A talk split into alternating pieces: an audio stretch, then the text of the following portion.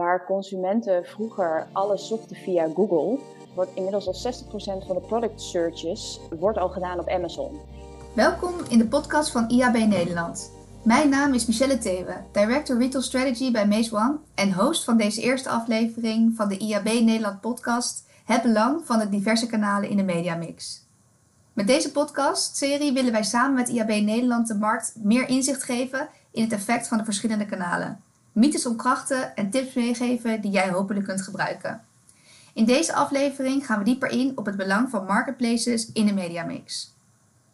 Marketplaces zijn booming. E-commerce groeit keihard en marketplaces zoals Alibaba, Amazon en Bol.com gaan door het dak. Zeker nu in deze periode van lockdowns zijn de online verkopen in een stroomversnelling gekomen.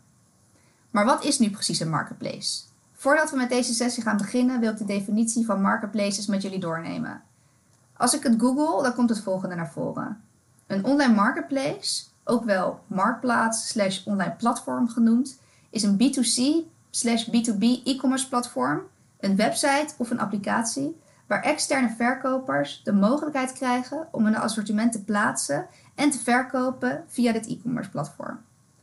Oké, dus met andere woorden, een e-commerce platform waar verschillende bedrijven hun producten kunnen verkopen. Het platform zelf, bijvoorbeeld bol.com of Amazon, is vaak ook een van die verkopende bedrijven.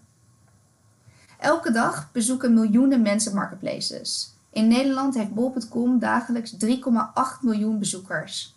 En adverteerders volgen consumenten. Amazon is inmiddels de geduchte concurrent van Facebook en Google op het gebied van digital ad spend. Kortom, retail media is niet meer weg te denken uit een goede mediamix voor merken. Mijn digitale tafelgasten zijn Tanja Wilming, retail media consultant bij bol.com en Stefan Donker, trade shopper marketeer online bij Philips. Tanja, kun je ons iets meer vertellen over je rol bij bol.com en wat retail media concreet inhoudt? Ja, nou, ik ben Tanja Wilming en ik ben retail media consultant bij bol.com. Uh, ik werk uh, op de afdeling BRMG en dat staat voor de bol.com Retail Media Groep. En wij adviseren adverteerders, en dan met adverteerders spreek ik over de leveranciers die hun spullen verkopen via bol.com, maar ook bijvoorbeeld de partners. Uh, wij adviseren hun om uh, de beste uh, marketingcampagnes in te zetten via het bol.com platform. Mijn doel is om adverteerders ervan te overtuigen wat de waarde van retail media is. En dat retail media echt een onderdeel is van de marketingmix en dat niet mag ontbreken. Nou, nu is retail media natuurlijk best wel een vaag begrip. Ehm, als je het even eenmaal plat slaat op hetgene wat je eigenlijk kent uit de advertentiemarkt, Um, retail media is wat dat betreft niet per se anders qua middelen, qua proposities, qua opties dan dat je bijvoorbeeld bij een mediabureau kan krijgen. Dus je hebt het ook over display advertising, je hebt het over social advertising, uh, maar bijvoorbeeld ook digital out-of-home schermen. Nou, al die verschillende mediamiddelen zijn wat dat betreft hetzelfde, maar wat het bij retail media uniek maakt of anders maakt dan uh, normaal in de advertentiemarkt, is uh, de data. Uh, nu is data natuurlijk een ontzettend containerbegrip, maar ik heb het hier specifiek over zoek, kijk en koopgedrag. Want dat is de vorm van data die bol.com heeft en wat bol.com bijvoorbeeld uniek maakt ten opzichte van data die je bij andere publishers krijgt. dus dat is eigenlijk de eerste USP die retail media heeft en die het anders maakt dan normaal advertentie proposities inkopen. tweede is dat wij ook weten wat wat het aankoopgedrag is en uh, welke aankoopdata volgt uit een campagne. Dus uh, ook al is het een brandingcampagne, ook al is het een performancecampagne, het maakt niet uit. Het is een totaal, je kan retail media als totaal in een mediamix toevoegen. Um, maar de tweede USP is dus dat we altijd kunnen doorrekenen wat levert een campagne op. Ja, precies. Dat is wel echt heel uh, anders natuurlijk van de meeste kanalen. Hey Stefan, zou jij ons ook wat kunnen vertellen over jouw functie en, en, en retail media? Ja, zeker. Uh, mijn naam is Stefan Donker. ik ben trade marketeer online voor Philips. Ja, wat het inhoudt is dat ik eigenlijk mijzelf bezig hou met hoe positioneren wij ons als merk ja, zo goed mogelijk door middel van marketinguitingen op het retailplatform. dus ik ben niet bezig met de Philips marketing, maar echt met hoe positioneert Philips zich nou, bijvoorbeeld bij bol.com, bij Coolblue of bij Amazon of een andere partij. Waar we voornamelijk mee bezighouden is inderdaad van oké, hoe zorgen we ervoor dat onze branding zo goed mogelijk is? Dat we inderdaad de media inzet waar Tanja het net over uh, had uh, inregelen. Bijvoorbeeld ja, portfolio promoties en de productcontent die je op productpagina uiteindelijk vindt.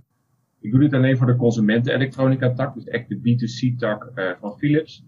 Dat houdt eigenlijk in persoonlijke verzorging, dus scheerapparaten, tandenborstels en dergelijke. Maar ook voor de huishoudelijke tak, dus dat zijn stoomgeneratoren, strijkijzers, airfryers, stofzuigers. Oké, gaaf. En Stefan, hoe gebruik jij retail media?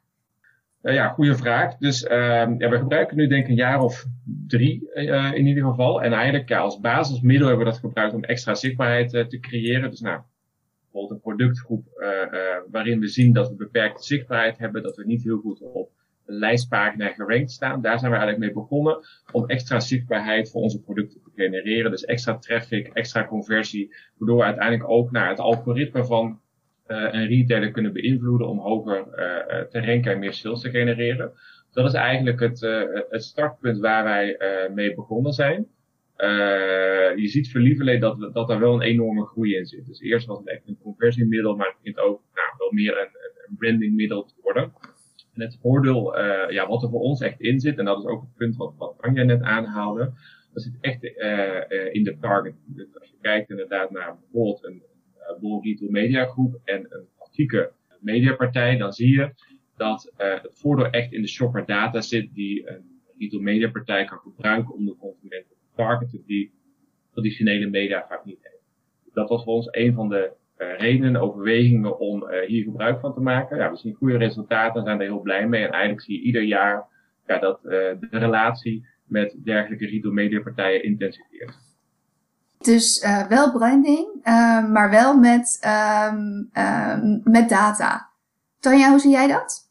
Ja, uh, nou, dat is die shopping data, die komt natuurlijk altijd terug. Dus dat is dat hele, het belangrijke, de USP die retail media heeft. wat Stefan ook al aangeeft, vaak beginnen partijen met adverteren via retail media om hun conversie en hun performance te boosten. Maar als zij zien dat dat dat wel degelijk werkt, dan durven zij ook vaak een uitstap te maken naar, hé, hey, we willen een nieuwe doelgroep gaan aanspreken voor ons merk. Dus een eerste stap is vaak om te starten met je bestaande koper. Daar weet natuurlijk een retail media platform wie dat is, om die te targeten voor campagnes, om echt te sturen op conversie en performance. Heel erg korte termijn doelstelling. Als dat werkt, dan is zo'n uh, adverteerder vaak bereid om te zeggen, hey, nu staan wij open om ook te kijken naar high potentials voor ons merk om te kijken naar een nieuwe doelgroep, om die aan te gaan spreken en ervoor te zorgen dat onze market share eigenlijk groter wordt wat dat betreft.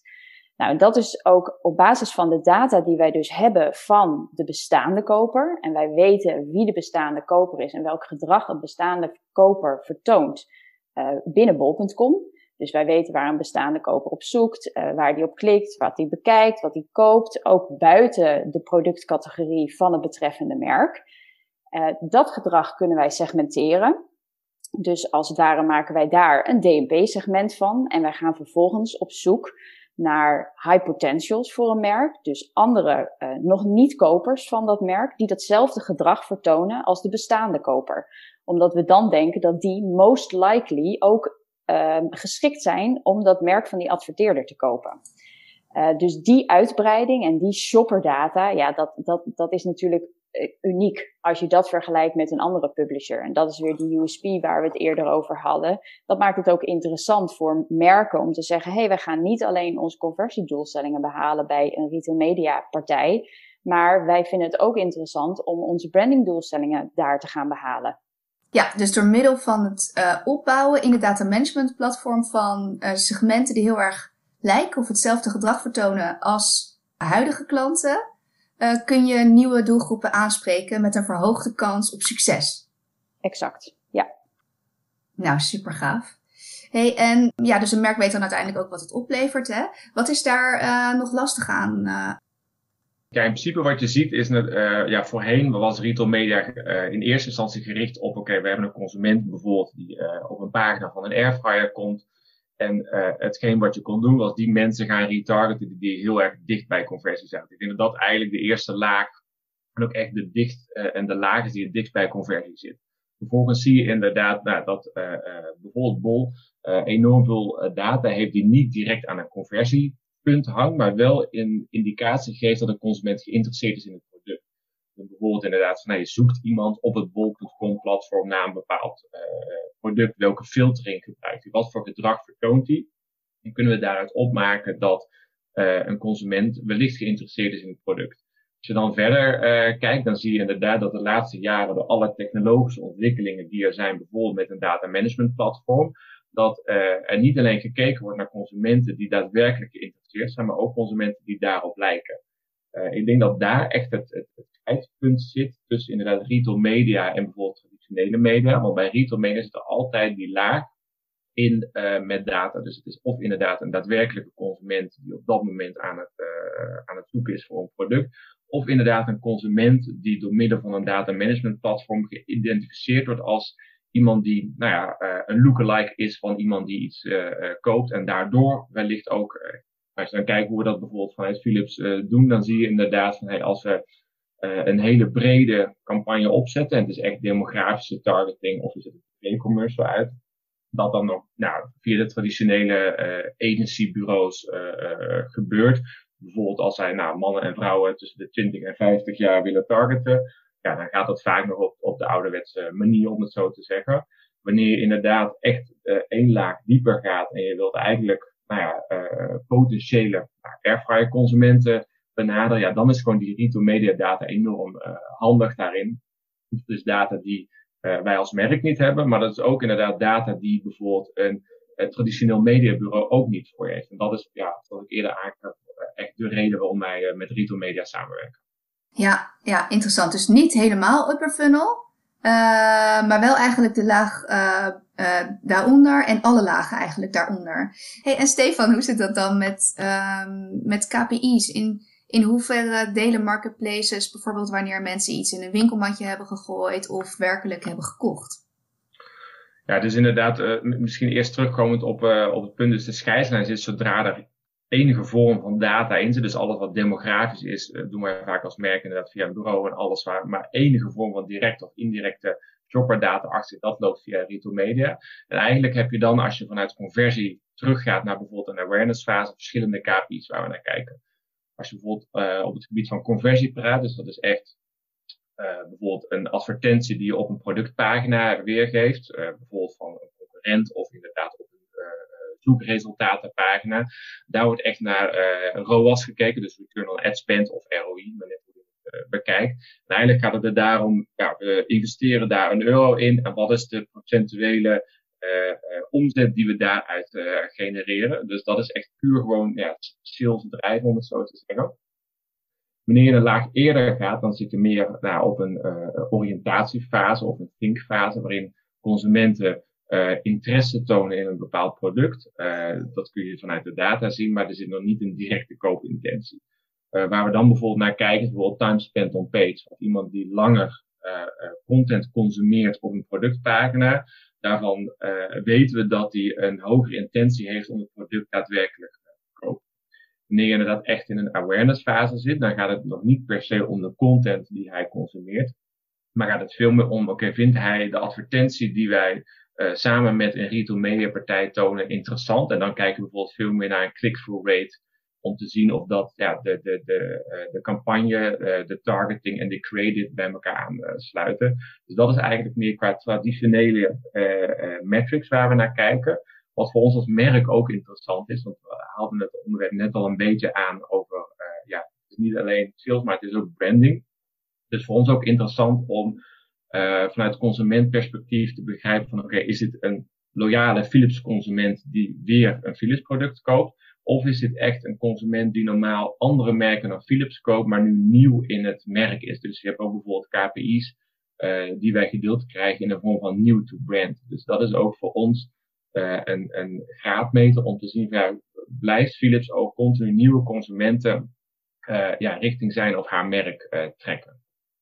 Ja, dat klinkt wel als hele waardevolle data. Hey, en Tanja, uh, Stefan zei net uh, dat die, uh, die upper funnel campagnes dan vaak nog via traditionele media worden ingezet. Zie jij dat ook zo? Want is retail media dan daar minder geschikt voor omdat het bijvoorbeeld te duur is vanwege de data die je daarbij krijgt?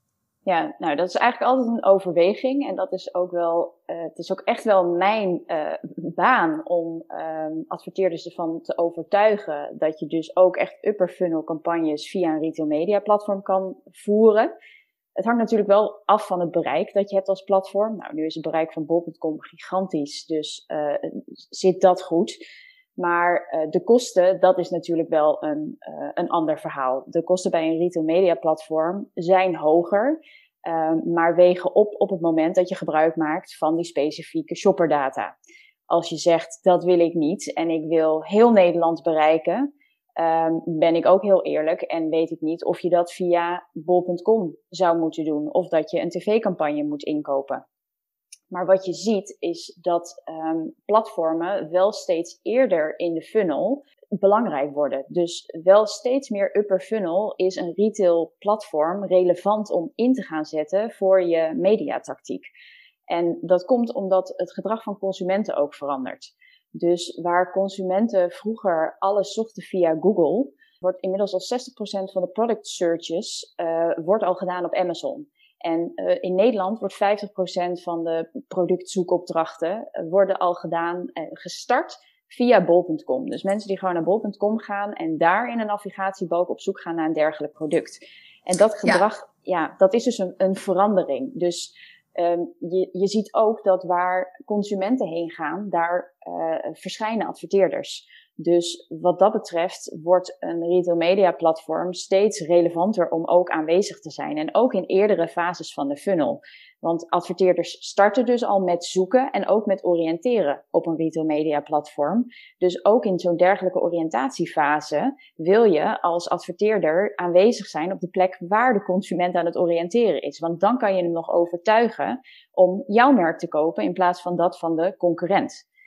Um, dus ik ben het eens met uh, Stefan dat echt upper, upper funnel, waarbij je uh, nou ja, compleet brede branding wil doen voor je merk. Laat zeggen voor doelgroep heel Nederland, dat een retail media platform misschien nog niet geschikt genoeg is, omdat het wat dat betreft te duur is.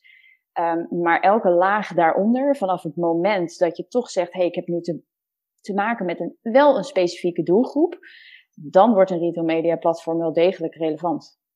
Ja, dus wat je eigenlijk aangeeft is ook dat, um, uh, dat de rol van platformen uh, eigenlijk de rol van Google uh, aan het overnemen zijn. Hè? Um, met betrekking tot product searches dan. En ik herken ja. daar wel in, want nou, ik ben lid van Select en als ik iets wil kopen online, dan ga ik direct naar bol.com, want ik weet toch al dat ik het daar ga kopen. Um, wat, wat, wat denk jij daarvan, Stefan, hoe dat de waarde van, van platformen voor media verandert? Je ziet eigenlijk dat de laatste jaren dat echt gewoon het retail landschap daarin uh, veranderd is. Hè? Als je kijkt uh, misschien een jaar of tien terug, dan was de rol van een retailer inderdaad om uh, producten te verkopen. Maar je ziet eigenlijk daarin dat retailers eigenlijk allerlei proposities momenteel aan het verbinden zijn. Nou, een voorbeeld daarvan is inderdaad retail media, maar je ziet ook retailers die andere proposities aan het koppelen zijn, die als doel hebben om gewoon extra consumentendata te koppelen. Nou, zijn retailers die videodiensten aanbieden. Uh, er zijn uh, allerlei andere diensten die nu langzamerhand gekoppeld worden aan die, aan, aan die retailer. met als doel om gewoon overkoepelend meer inzichten te krijgen van oké, wie is die consument nu, wat doet hij in zijn vrije tijd en hoe zorg ik ervoor dat ik die data ook nou ja, commercieel kan inzetten. Dus de rol van de retailer van daadwerkelijke productverkoop is echt veel en veel breder momenteel geworden. Dat zie je bijvoorbeeld ook in bijvoorbeeld informatievoorziening. Vroeger waren er vooral productpagina's waar je het product op kon uh, zien en uiteindelijk kon kiezen of je het uh, ging kopen of niet. Je ziet nu ook dat er allerlei nieuwe informatievoorzieningen zijn. Er kunnen allerlei marketing inzetten via die retailer gedaan worden. Bijvoorbeeld, uh, je kunt blogs inzetten, je kunt vlogs inzetten, vergelijkingsartikelen en dergelijke. Puur ook om consumenten eerder in de funnel al uh, van de juiste uh, content te voorzien en de juiste afweging te laten maken. Dus daar zie je een enorme ontwikkeling in. En ook ja, hoe de retailer zeg maar, die proposities aan zich verbindt. Uh, om een voorbeeld te geven. je ziet dat sommige retailers echt in staat zijn om dat hele mediastuk te koppelen aan het hele retailstuk. En ook die data over en weer in te kunnen zetten. Dus we kunnen volledige attributie doormeten waarbij ook de volledige data gedeeld wordt. Nou, je ziet partijen waarbij zij eigenlijk losse takken hebben. Dus ze hebben een retail media tak om media in te kopen. En ze hebben de standaard retail tak, maar waarbij je nog niet alles volledig kunt doormeten, maar waar wel veel werk verzet wordt om die data te kunnen koppelen. Maar je ziet ook, en dat zijn vaak de wat kleinere retailers die wel iets met retail media willen doen, maar bijvoorbeeld via een externe partij dat laten verlopen, bijvoorbeeld via een softwareleverancier zoals Criteo. Daarin zie je dat zij gebruik maken van de software, maar dat zij inderdaad niet uh, dat volledig in-house uh, ontwikkelen. En wat een retailer uiteindelijk hiermee doet, is eigenlijk een, een, een eigen vertical of een eigen, uh, een eigen ecosysteem creëren, waarin zij nieuwe consumenten al heel vroeg richting het retailplatform uh, krijgen, waarin zij nou, allerlei informatievoorzieningen doen, zodat hij geïnteresseerd raakt in het product. En uh, uiteindelijk ook proberen aan te zetten tot koop van ja, een daadwerkelijk product. Maken jullie daar ook uh, veel gebruik van als, als Philips? Ja, we maken zeker uh, meer en meer gebruik van inderdaad uh, het retail media uh, stuk. Dus niet alleen het conversiegedeelte, maar we zijn ook steeds meer bezig om nieuwe consumenten voor Philips via retailkanalen ja, kennis te laten maken met onze producten. Zeker. Oké, okay, dus platformen hebben eigenlijk vaak de complete customer journey in de hand. En nu werk ik veel met Amazon en met bol.com, maar ook de advertenties van bijvoorbeeld Coolblue zijn heel erg op hun eigen merk gericht. En uh, hoe ga je er eigenlijk mee om dat zo'n retailer uh, zoals uh, Coolblue, Bol.com hun eigen eisen en, en wensen hebben met betrekking tot advertenties? Ja. En ten opzichte van je andere media inzet. Dus dat het eigenlijk een vreemde eend in de bijt is. Ja, goede vraag. Ik denk dat uiteindelijk vooral de consument centraal staat. Ik denk dat dat het allerbelangrijkste uh, is. Uh, als merk wil je natuurlijk inderdaad ook bepaalde merkuitingen doen. Maar over het algemeen zien we heel goed dat we samen met retail in staat zijn om de juiste advertentie voor de juiste consument te geven. Als het eigenlijk plat slaat is alles wat wij investeren in bijvoorbeeld retail media, maar wat niet op het platform zelf wordt weergegeven. daar willen wij graag ons eigen merk aan hangen. Als bijvoorbeeld een nieuwe doelgroep voor airfryers uh, willen aanboren, dan heeft het niet heel veel zin om direct bijvoorbeeld daar uh, een bol.com of een Coolblue of een Amazon label op te pakken. Je wilt eerst de consument interesseren voor uh, je daadwerkelijke product. dat doe je in de Philips huisstijl bijvoorbeeld. Maar zodra een consument signalen vertoont dat hij interesse heeft om het op een bepaald platform te kopen of informatie op een bepaald retail platform te consumeren, ja, dan ga je daar veranderingen in aanbrengen. Bijvoorbeeld een consument klikt op een banner en gaat naar bol.com toe. Nou, alle overige advertenties die hij ziet, uh, dan heeft het niet heel veel zin om dat nog heel erg vanuit merkperspectief te doen. Want anders ja, wordt ook uh, zo'n retail platform nou, enigszins vervuild met heel veel verschillende merkuitingen. Je wilt uh, op dat moment als een consument zich op Amazon of op Coolblue of op bol.com uh, bevindt, wil je ook inderdaad de look en feel van de retailer daarin, uh, daarin aannemen. Dus echt de scheidslijn tussen waar ziet een consument die advertentie, is dat op bol.com of buiten bol.com. Dat is voor ons wel leidend om de keuze te maken welke branding je hier als merk gezamenlijk met je retail media partij aan Tanja, wat, uh, wat is jouw ervaring daarmee met die, uh, uh, met die eigen wensen en eisen van, van platformen, dus, dus in dit geval bol.com? Ja, ik, nou, ik sluit me heel erg aan bij wat Stefan zegt. Dus de consument die is uiteindelijk leidend in hoe jij je look en feel aanpast binnen retail media. Um, wel een belangrijke side note is daarbij, hè, ik zit hier natuurlijk vanuit bol.com. bol.com is zelf ook een merk. Dus um, wij hebben, uh, ik werk dan bij BRMG, dus dat is de marketingafdeling die er is voor de adverteerders. Maar je hebt binnen bol.com heb je ook een algemene Marcom afdeling die er is om het merk bol.com bij de consument onder de aandacht te brengen. En doordat dat ook meespeelt, is het niet uiteindelijk alleen maar de eindconsument die bepaalt hoe een uiting eruit ziet, maar hebben verschillende marketingafdelingen binnen bol.com ook verschillende belangen. Dus onze marketingafdeling bijvoorbeeld, die vindt het heel belangrijk dat onze eindconsument niet elke dag uh, eh, 30 berichten krijgt vanuit de look en feel van bol.com. Omdat dat, en dat sluit weer aan bij wat Stefan zegt, dat vervuilt richting een eindconsument. Dus ook die belangen spelen mee in, ga jij bijvoorbeeld offsite een brandingcampagne van een adverteerder in de look en feel van bol.com zetten of in de look en feel van de adverteerder. Um, en nu is Philips natuurlijk uh, uh, wat dat betreft een ontzettend bekend merk. Um, en die heeft eigenlijk geen baat, denk ik, bij uh, de merkwaarde die bol.com meedraagt. Maar stel je hebt te maken met een kleine adverteerder die wat dat betreft nog niet een hele hoge naamsbekendheid heeft. Die zou er juist weer van kunnen profiteren om een meer brandingcampagne te doen. Waarbij juist wel bol.com als merk ook genoemd wordt. Dus dat is elke keer weer een afweging. En op die manier kijken wij er ook naar. En kijken wij ook echt wat is de doelstelling van een adverteerder. Uh, en hoe kunnen wij daar als bol.com op inspelen en aan bijdragen? En zo maak je de keuzes in wat voor look en feel kom je dan dus ook te staan. En pas je dan dus bol.com toe als merk in een uiting of laat je het volledig branded zijn uh, door de adverteerder? Ja, ja, ik herken wel uh, wat je zegt. En interessant ook dat je eigenlijk de balans moet zoeken tussen bol.com als, uh, als adverteerder en de adverteerders van, uh, en, ja, van bol.com.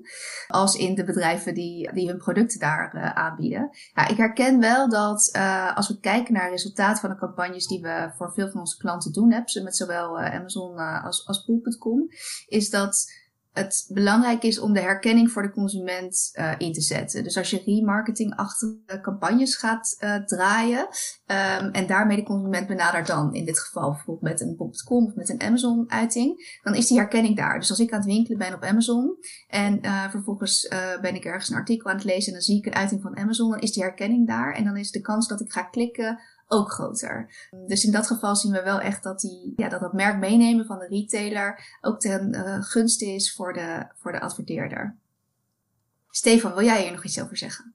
Ik heb er eigenlijk niet heel veel uh, aan toe te voegen. Ik denk dat we uh, goed op één lijn zitten. Dus hetgeen wat je ziet inderdaad, van als het echt een awareness fase is of nieuwe doelgroepen aanboren, dan is het voor Philips ja, van belang om eerst je eigen merk eraan te koppelen. En ik denk zodra er een retailer of retailer data, of ja, ja, zodra de retailer data gebruikt en echt naar een retail platform gaat, ja, dan denk ik dat je heel snel inderdaad uh, die samenwerking uh, op gaat zoeken en uh, die advertentie gaat tonen die relevant is voor de consument. Ja, ja, ja, en mooi. En zeker wat Tanja ook zei, dat het voor, voor wat kleinere merken, of in ieder geval niet zo grote merken als Philips, dat het een, echt een kans kan zijn om eigenlijk samen met, met zo'n mooi merk te adverteren. En um, dan wilden we eigenlijk nog bespreken van ja, hoe zit het met, met mediabureaus en e-commerce afdelingen? Want hoe ver staat dat uh, eigenlijk uit elkaar? Mediabureau versus uh, trade marketing. Stefan, dat is natuurlijk jouw, jouw functie. Um, bij bijvoorbeeld productintroducties. Nou, wat je zei, hè, dat doe je vaak vanuit een merkperspectief. Nou, welke afwegingen maak je hier dan in? En, en hoe zoek je de synergie op tussen trade en brandcampagnes? In principe zie je dat, uh, ja, dat er een verandering gaande is. Vroeger was het heel erg gescheiden van elkaar. Uh, en zag je eigenlijk dat je uh, een traditioneel mediabureau had waar je media op inkocht. En dat retail media nog niet erg bestond of heel erg op het gebied van conversie zat. Nu zie je dat het langzaamaan naar elkaar aan het toegroeien is en dat je eigenlijk de synergieën daartussen gaat zoeken. Nou, voor ons is uiteindelijk uh, de keuze waar we voor kiezen, die doen we op basis van twee elementen. Eén is het uh, doel van je campagne uh, met de daarbij behorende targeting. En twee is de mediakosten. Dat betekent ook niet altijd dat je of-of doet. Uh, maar het kan ook en-en. Dus je kunt inderdaad een awareness campagne via je eigen merk inzetten. maar ook tegelijkertijd een retail media campagne om consumenten die zoeken op een daadwerkelijk product. Om die dan verder nou ja, een bol.com of een Google of een Amazon funnel in te trekken. Ja, dus juist de combinatie. Ja, exact. Ja, voor ons is inderdaad de afweging van, uh, is het enkel en alleen demografisch, dan doe je het via het merk. Uh, zodra daar inderdaad uh, datapunten van een retailer nodig zijn, dan ga je dat eigenlijk via retail media in. thanks Stefan. Als ik het nou even samenvat, um, hoe kan je als, als marketeer nou het beste starten met dit kanaal en waar let je dan op, Tanja? Um, nou, we hebben sowieso retail media zou onderdeel moeten zijn van je totale media mix. Dus vaak start je daarin met retail media wanneer je een doelstelling hebt op conversie of performance. Dus dat is een hele goede start om, om, nou ja, om retail media op aan te haken. Om te kijken, werkt het voor jou om je bestaande kopen meer te laten kopen? En op het moment dat je ziet dat dat werkt, zou je eigenlijk retail media moeten integreren steeds meer richting upper funnel campagnes. Dus um, daar ga je ook kijken naar consideration en naar bijvoorbeeld awareness doelstellingen. Um, want, hè, dat hebben we meerdere malen volgens mij terug laten komen, is dat retail media onderdeel kan zijn van de totale customer journey. Omdat die consument een verschuiving laat plaatsvinden. Die, de consument consumeert tegenwoordig anders en is al eerder te vinden op een platform. Dus is het ook relevant om als eh, retail media eerder onderdeel te laten zijn van je mediamix. En het is dan niet alleen relevant om te kijken naar je bestaande doelgroep, maar juist ook te durven kijken naar een high potential doelgroep. En omdat je bij een high potential doelgroep kijkt naar doelstellingen als branding, als consideration, werken wij ook heel graag samen met de agencies van merken. Dus je ziet het echt als een soort ja, een, een samenwerking om ervoor te zorgen dat je voor een merk de juiste doelgroep vindt, de juiste high potentials daaromheen bouwt en de volledige customer journey als het ware in kan vullen met een totale mediamix, waar retail media dan een onderdeel van is. En Stefan, wat, uh, wat zou jouw advies zijn uh, voor marketeers uh, om het beste te starten met dit kanaal? Ik sluit me eigenlijk aan bij hetgeen wat Tanja zegt. Dus ik zou beginnen inderdaad met uiteindelijk het conversiestuk. Daar zou ik echt mee beginnen, want dat is in principe iets wat je ook heel tastbaar kan maken. Daar kun je heel specifiek kijken van oké, op welke producten zou ik meer omzet willen behalen? Op welke producten zie ik dat bijvoorbeeld mijn ranking nog niet heel erg goed is op bijvoorbeeld een bol.com platform of een Amazon of een Google platform. En uh, de investeringen die je daarin doet, die zijn enorm goed meetbaar. Dus nou ja, steek daar bijvoorbeeld een euro in. Je ziet uiteindelijk wat is je kost per klik die je betaalt. Wat is de uiteindelijke conversie die daaruit uh, gegenereerd wordt. Wat is de omzet die je daarmee genereert. En daardoor kun je eigenlijk heel makkelijk een ROI uh, doormeten. Uh, dus hetgeen wat je ziet is, is, is dat het cijfer wat je daaruit krijgt ook heel tastbaar is. Uh, vervolgens moet je ook zeker gaan kijken van oké, hoe ga ik retail media niet alleen inzetten om consumenten die nou, bijvoorbeeld op de bol.com platform naar airfryers zoeken te converteren. Dan ga je ook inderdaad breder kijken van hoe zorg ik er nou voor dat ik de data die er is op het gebied van consumenten en shoppers ga inzetten. Om ook nieuwe, nou bijvoorbeeld lookalike van kopers te targeten. Om die nieuwe potentiële doelgroep ook uh, richting het platform te trekken. Dus we gebruiken retail media ook daadwerkelijk om voor nieuwe consumenten naar binnen te trekken. Ik denk dat dat een tweede fase is die je dan ingaat, uh, waarbij je niet enkel alleen echt ROI gaat meten, maar waarbij ook echt inderdaad gaat kijken van oké, maar wie is die doelgroep dan? Waar zijn zij geïnteresseerd in? En hoe zorg ik ervoor dat ik uh, uh, ook mijn doelgroep breder ga maken door middel van retail media?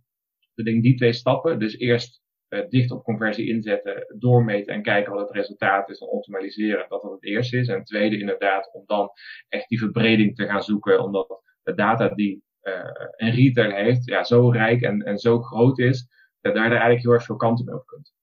Ja, dus je kunt eigenlijk je, uh, je consumenten, je doelgroep, je eigenlijk beter leren kennen door de inzet van uh, retail media. En op die manier nieuwe consumenten of nieuwe klanten aantrekken.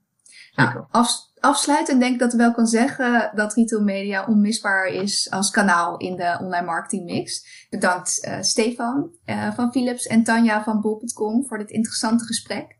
En uh, hopelijk hebben we de luisteraars kunnen inspireren met het gebruik van retail media op marketplaces. Dankjewel.